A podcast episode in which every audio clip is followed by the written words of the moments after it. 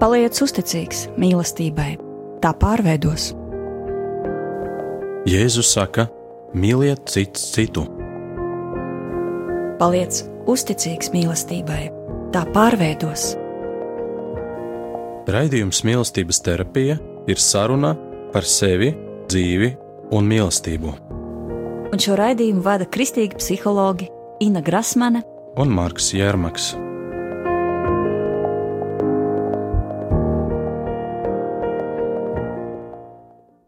Labvakar, mīļie radioklausītāji! Labvakar! Šodien mēs turpinām iesākto raidījumu ciklu par laulāto attiecību dziedināšanu, un eh, šo šodienas eh, raidlaiku vēlamies veltīt eh, tam, vai un kā var pārvarēt krīzi laulībā tiem partneriem, kas saskaras ar krāpšanu. Un iesākt vēlos ar tādu konkrētu gadījumu, Tas ir pāris, kas apzināti jau savu ceļu, savas kopdzīves sākumā izvēlas to, ko sauc par brīvām attiecībām. Un, ja starp vīru un sievu pastāv noruna, ka, ja viņam veidojas kaut kādas simpātijas, pieķeršanas ārpus laulības, ka otrā puse netraucē šīs attiecības attīstīt un ka tas abiem ir pieņemams. Un eh, tajā sākuma posmā tas attiecības ienes eh, nu, tādu brīvības sajūtu, ka nu, divi cilvēki ir kopā nevis tāpēc, ka vajag, bet tāpēc, ka viņi grib, un šīs attiecības nu, viņam palīdz nevis viņus sasaistā, nu, uzliek tikai pienākumus.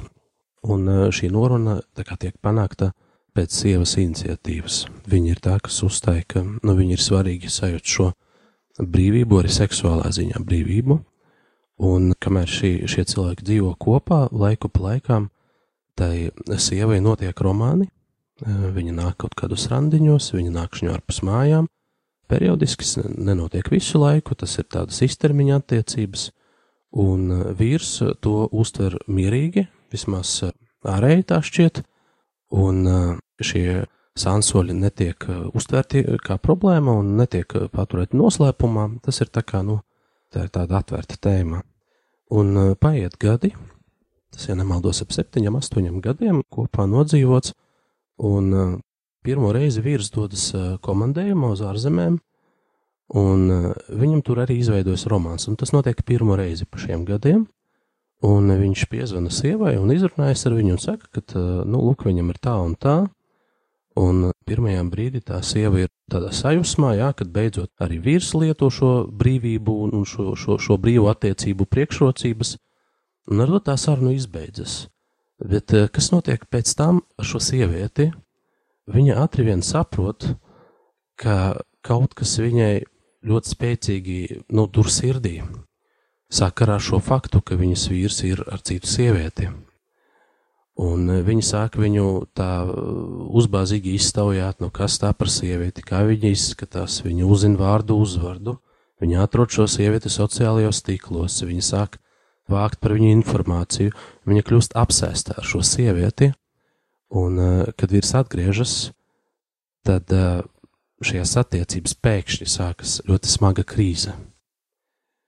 Un vīrs lielā mērā ir apjucis, viņš nesaprot, par ko ir šis stāsts, jo bija taču noruna, un uh, viņš taču ir tolerējis tās sievas izvēles, bet viņa pirmo reizi mūžā saskaras ar to, kā tas ir sajusties, ka tu neesi vienīgā savam vīrietim, un ka uh, šī dvēseles stīga tiek aizskarta ļoti smagi, un reizē viņa ir kauns atzīt savam vīram, ka viņa ir nežēlīgi, viņa ir traki, greizsirdīga par to, ko viņš dara, jo viņi saprot, ka viņi it kā nav tiesību būt greizsirdīgai tādā situācijā.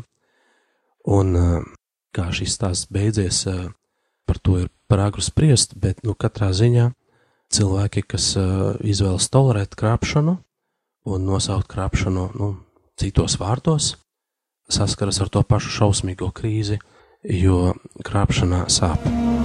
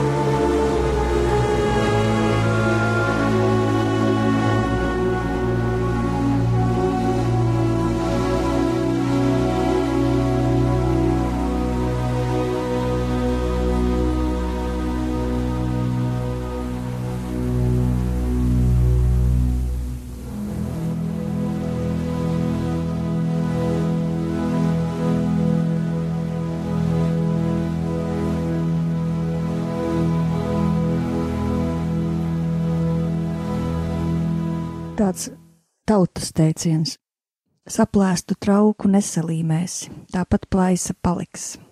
Un, protams, mums tādā terapeitiskā kontekstā ir jādomā, vai tiešām, principā jau, protams, nu, laulības pārkāpšana ir grēks, ļoti smags grēks. Tā ir nāves pieredze attiecībām. Vai mēs par to runājam, vai mēs par to nerunājam, bet tā ir nāve. Un šajā gadījumā jautājums ir pavisam vienkāršs. Ja pāris piedzīvo laulības pārkāpšanu no kāda partnera puses, tad jautājums, vai viņi grib uzveikt nāvi, vai viņi ir gatavi uzveikt nāvi.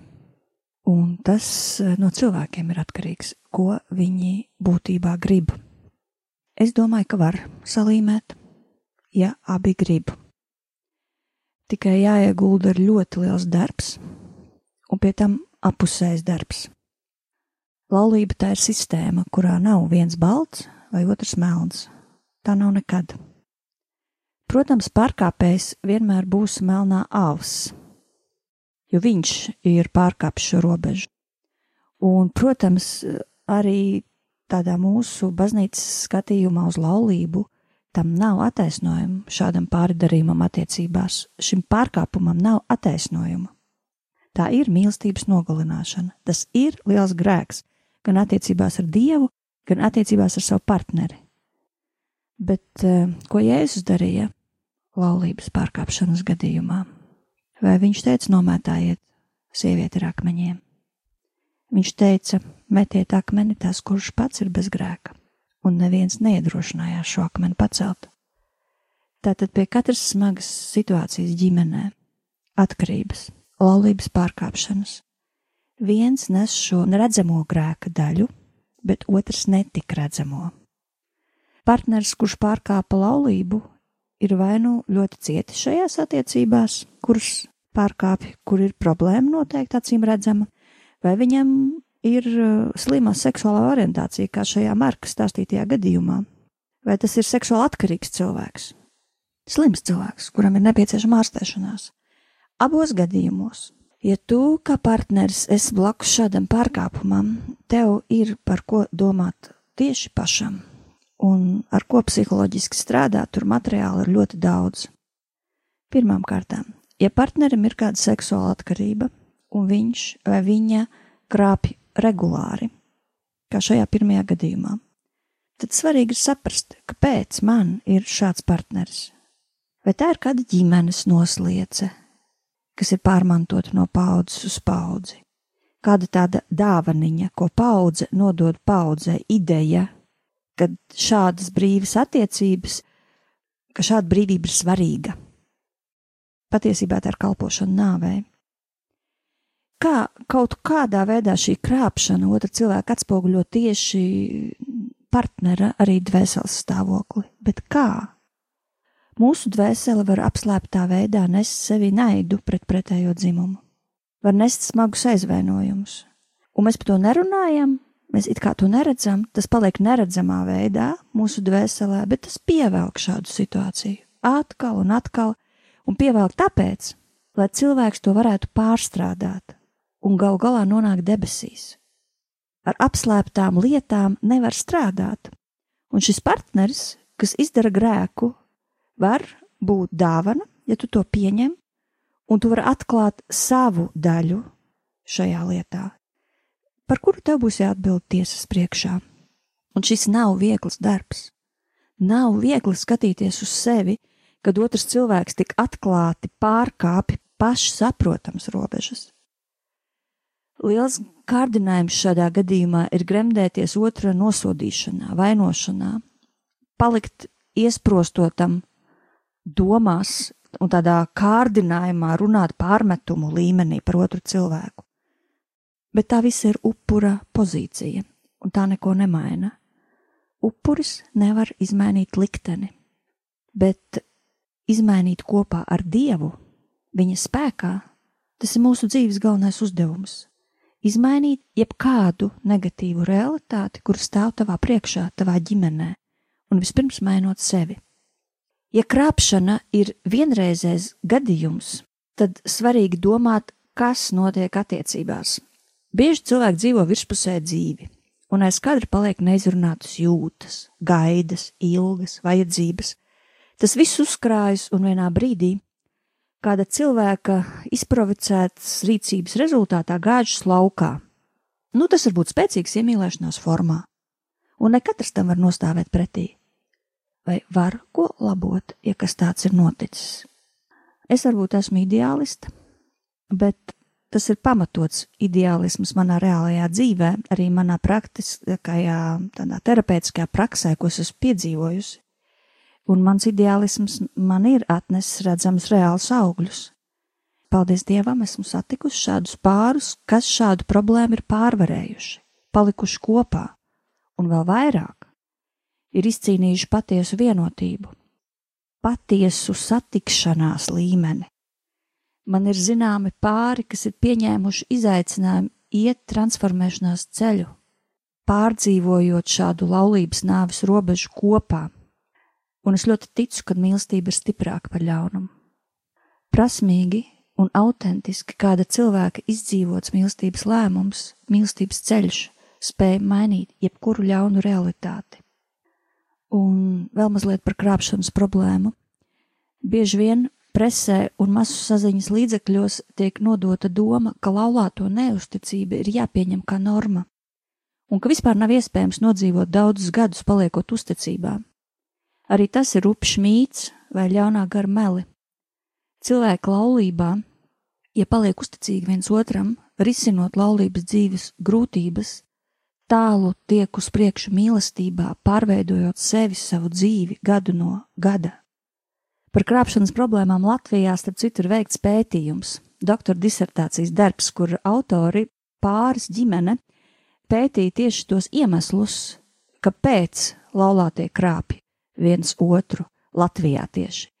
Un e, viņi izšķīra izteikti vīrišķos un izteikti sievišķos krāpšanas iemeslus, un ir vērts uz to vienkārši mazliet paskatīties, lai saprastu, kas notiek mūsu ģimenē, vai mēs neesam uz tādas riska robežas un tradicionāli vīriešu neusticības iemesli ir e, tieši neapmierināts seksuālās vajadzības, dažādības meklējumi, izdevīga gadījuma izmantošana vai krišana kārdinājumā.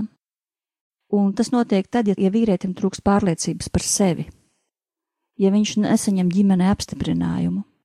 Tā var būt arī atriebība par partneres neusticību, kā varbūt pirmajā gadījumā, kā arī tieksme uz neusticību alkohola reibumā. Savukārt eh, tradicionāli sieviešu neusticības iemesli ir materiālā stāvokļa uzlabošana, karjeras izaugsme uz seksuālu attiecību pamata, romantisko attiecību meklējumi, ja to nesaņem sieviete ģimenē, un eh, tuvākās sociālās apkārtnes atdarināšana, ja šāds paraugs ir sievietei, neusticība kā norma. Kā arī vēlme pārliecināties par personisko pievilcību, citreiz veselību, vai es esmu seksuāli vesela, ja viņa to nesaņem ģimenē, atriebība par nodarīto aizvainojumu un satikšanās ar partneri, pret kuru pagātnē ir izjustas spēcīgas jūtas, bet satiekoties atkal pēc kādiem gadiem, ja tās nav pārdzīvotas, tas var ņemt virsroku par veselo saprātu. Nu, lūk, šādi ir iemesli, kāpēc krāp Latvijā vīrieši un sievietes viens otru Labas laulības priekšnosacījums vienmēr ir dialogs. Šāds ir secinājums, kurā cilvēki izsaka šīs savas neapmierinātās vajadzības. Un, ja nav iespējams dialogs, rodas konflikts. Konflikts nevienmēr ir slikti, jo kaut nevienmēr tas ir labs risinājums, bet tas tomēr ir dialogs. Un tikai tad, kad jau vairs partneru starpā nenorisinās konflikti, problēma ir iekapsulējusies un iestājusies vienaldzība, un ir vieta jaunām attiecībām. Dialogs ir tas, kas patur pāri dzīvības un uzticības teritorijā, bet par dialogu dažreiz nākas pacīnīties.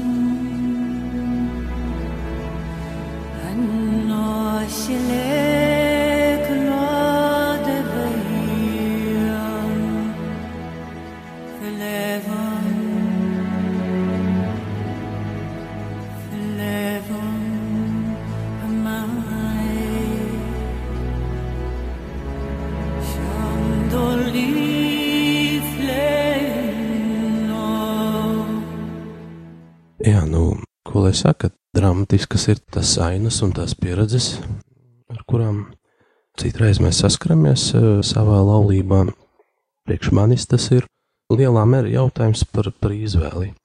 Jo, ja cilvēks saka, ka viņš, viņam ir tieksme krāpt, tad, kad viņš ir lietojis alkoholu, ja viņš pazīst un atpazīst sevi šo tieksmi, tad tā ir viņa izvēle, kur un cik daudz viņš lieto alkoholu. Un visbiežāk jau var paredzēt kaut kādas situācijas, kur šie riski var rasties. Un šā vai tā cilvēks lielā mērā izvēlas.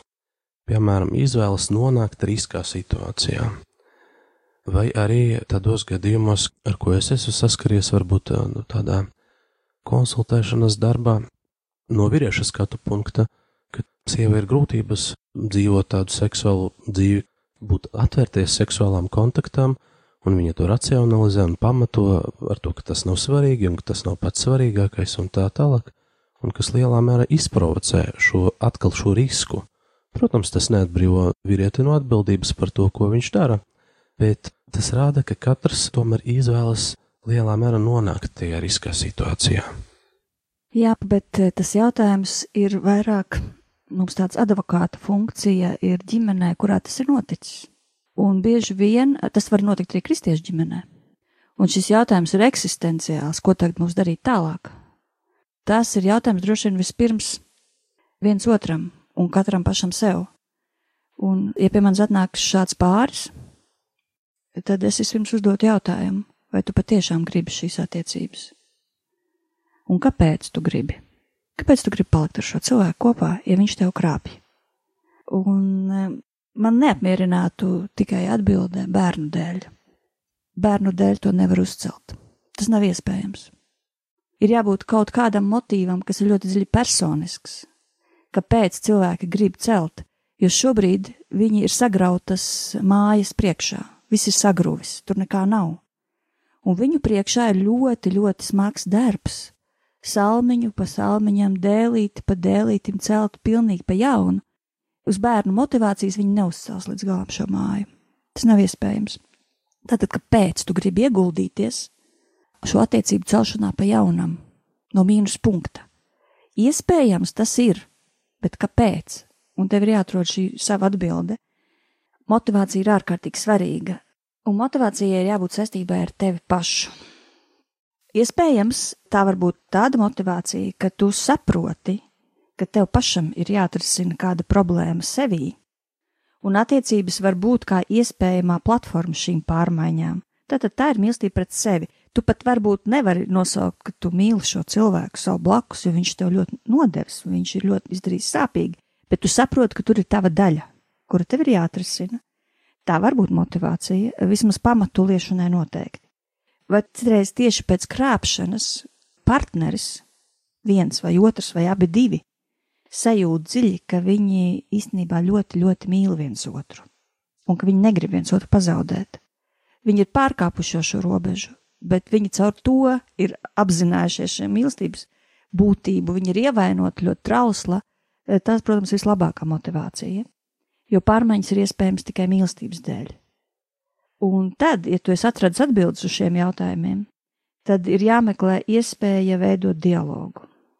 Un citreiz vienīgais veids šādā gadījumā, kur ir tiešām noticis ļaunā gara grautiņš, ir lūkšana, saruna kā lūkšana. Rožkroņa lūkšana ir ļoti piemērota šāda dialogu veidošanai. Es jau esmu kādos raidījumos to stāstījusi, un vienkārši tur pēc katras daļas eh, atstāt vietu kāda laulātā drauga sarunai ar noteikumu, ka otrs neiejaucās. Runā viens, un lūkšanas laikā viņš var izteikt visu, jo pēc tam seko atkal lūkšana, kas palīdz klausīties otram cilvēkam, lai cik tas būtu sāpīgi, jo no šāda punkta uzcelt laulību pa jaunam, tas nozīmē dzirdēt ļoti daudz sāpīgāko, saka partneris par tevi pašu arī. Tātad rožkrona var būt Citreiz ir jāiet pie speciālista, lai tas palīdzētu jaunot dialogu. Citreiz pašiem tas nav iespējams, jo tas ir pārāk emocionāli un rodas uzreiz konflikts.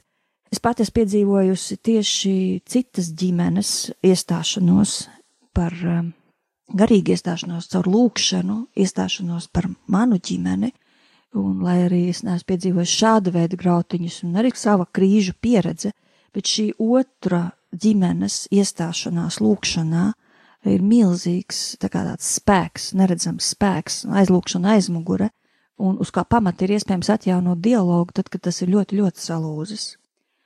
Ir dažādas labas kustības, kānas kustība, kur arī kultivē šo dialogu atjaunošanos tieši nu, tādas kopienas pavadības ietverā, kur noteikti garīgi vingrinājumi, lai šo dialogu varētu uzturēt. Šādi dažādi padomi, bet droši vien katram ir jāatrod savs. Varbūt tev ar Marku kaut kas vēl piedzima. Jā, tas, ko varbūt es uh, gribētu uzsvert, ir uh, tāpat kā cilvēks apzināti vai neapzināti ir izvēlējies krāpt, viņš var izvēlēties arī cīnīties, lai atjaunotu tā, to, to vērtību. Un es piekrītu tam, ka citreiz mums ir jāpazaudē kaut kas, lai sajustu, cik ļoti vērtīgi tas ir mūsu dzīvē. Piemēram, ka laulībā ir vērtība un ka tur kaut kāds gadījums sakars, kaut kāds romāns plašā nozīme neatmaksājas. Un, jā, izējas punkts ir tā motivācija, jo jebkurā situācijā, pie jebkurās izvēles samaksa ir ļoti augsta. Jo izšķirties un aiziet, tas ir saistīts arī ar, ar lielām un nebūt nevienmēr patīkamām pārmaiņām dzīvē, palikt kopā un cīnīties, tam arī ir augsta cena un es saprotu tos pārus, kas eh, izvēlas iet arī šo šķiršanas ceļu, jo cīnīties arī smagi. Taču reizē man jā, nu, apbrīno un iedvesmo tādu pāru pieredzi, kas izvēlas nevis nepamanīt problēmas, bet atzīt, ka jā, tas ir noticis, un jā, es dusmojos, vai, vai man ir problēmas piedot, vai es nožēloju un nezinu, kā to labot, bet kas izvēlas stiprināt šīs attiecības. Un es domāju, ka tā, varbūt izies punkts arī šajā darbā varētu būt nu, saprast, kurā jomā tas kontakts ir pazaudēt. Varbūt mēs nepavadām laiku kopā, varbūt tas saistīts ar seksuālo jomu, varbūt tas saistīts ar vērtību nesakritību. No kur ir tā mūsu jūtīgā joma, tā trauslā vieta, tās laulības pilī, tāda vieta katrā laulība pastāv, un uh, ieguldīt laiku un spēku tieši tajā. Bet uh, Protams, tas jebkurā gadījumā ir smags darbs, un citreiz rokas nolaižas, un, un tas izmisums un sāpes ir saprotams.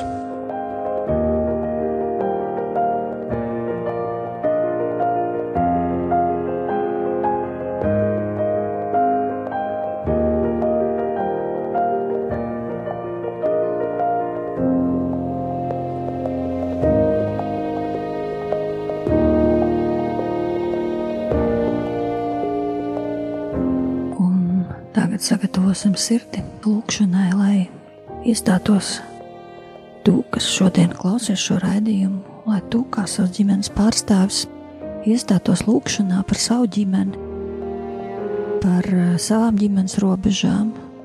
Vienmēr ir vērts iestāties lūkšanā par savām robežām, lai tās stingras un lai nekāds ļaunums nespēja ienākt.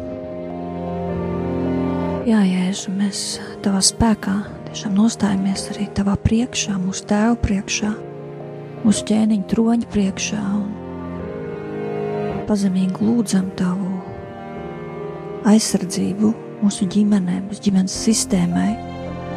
Es arī lūdzu Jēzu, ka viņš ienāk katrā ģimenē, kurā šodien saka jā viņam un vienkārši patriec Jēzus Kristus vārdā visus šos ienaidniekus, visus cilvēkus, kuriem tur nav jābūt, sievietes un vīriešus, kuri ir nepiederīgi šai sistēmai, kuri ir kā zagļi ienākuši. Visas ietekmes Jēzus Kristus vārdā es lūdzu, ka tu lauzi, kungs, un ka tu dod asiņu aizsardzību katrai ģimenei, par kuru šodien tiek lūgts caur tiem cilvēkiem pagremdē visus savās svētajās asinīs. Lai tavs svētās asinis dziedina, šķīsta, atbrīvo, dara visu jaunu. Un katram, kas ir grēkojis, kungs, ka tu dod cerību, ka tu dod ticību, ka tu dod redzējumu, kā var iet uz priekšu, cauri nāvei, pretī dzīvībai. Kā var mirušo tavā spēkā, kungs, svētdarīt, kā var mirušu pieredzi padarīt par liecību, par gaismu, kungs, tavā spēkā. Nāc, svētais gars, un dziedini katru dvēseli, un šo dvēseli kopību, ko katrs nes. Nāc, svētais gars. Kungs, tāpat mēs nesam tā priekšā katra mūsu klausītāja pieredzi. Iespējams, kāds, kurš tieši tagad klausās šo raidījumu, piedzīvo šo krāpšanas pieredzi, vilšanās pieredzi, nodevības pieredzi vai bezspēcības pieredzi saskaroties ar savām tieksmēm un vājībām. Mēs lūdzam, kungs, ienāc katrā situācijā, kas varbūt cilvēciski ir neatrisināma, kas izskatās pēc strupceļa un tiec pagodināts saskaņā ar taviem plāniem, tavu gribu, bet reizē es arī lūdzu, lai tu stiprinātu mūsu pašu gribu strādāt pie attiecībām, ieguldīties, saskatīt vērtību saskatīt vērtību tajā, kas mums ir dots pirms mēs to zaudējam. Arī drosme atjaunot, ja tas ir zaudēts. Mēs salikam tā krusta priekšā visas šīs lūkšanas, mūsu klausītāju lūkšanas. Lūdzam, svētī kungs, mūs stiprini šajā ceļā. Mēs visu to lūdzam Jēzus Kristus tava dēla vārdā. Amen! Jūs klausījāties raidījumu Mīlestības terapija. Raidījuma ieraksti pieejami internetā mīlestības māja.clv un tavā sirds.com.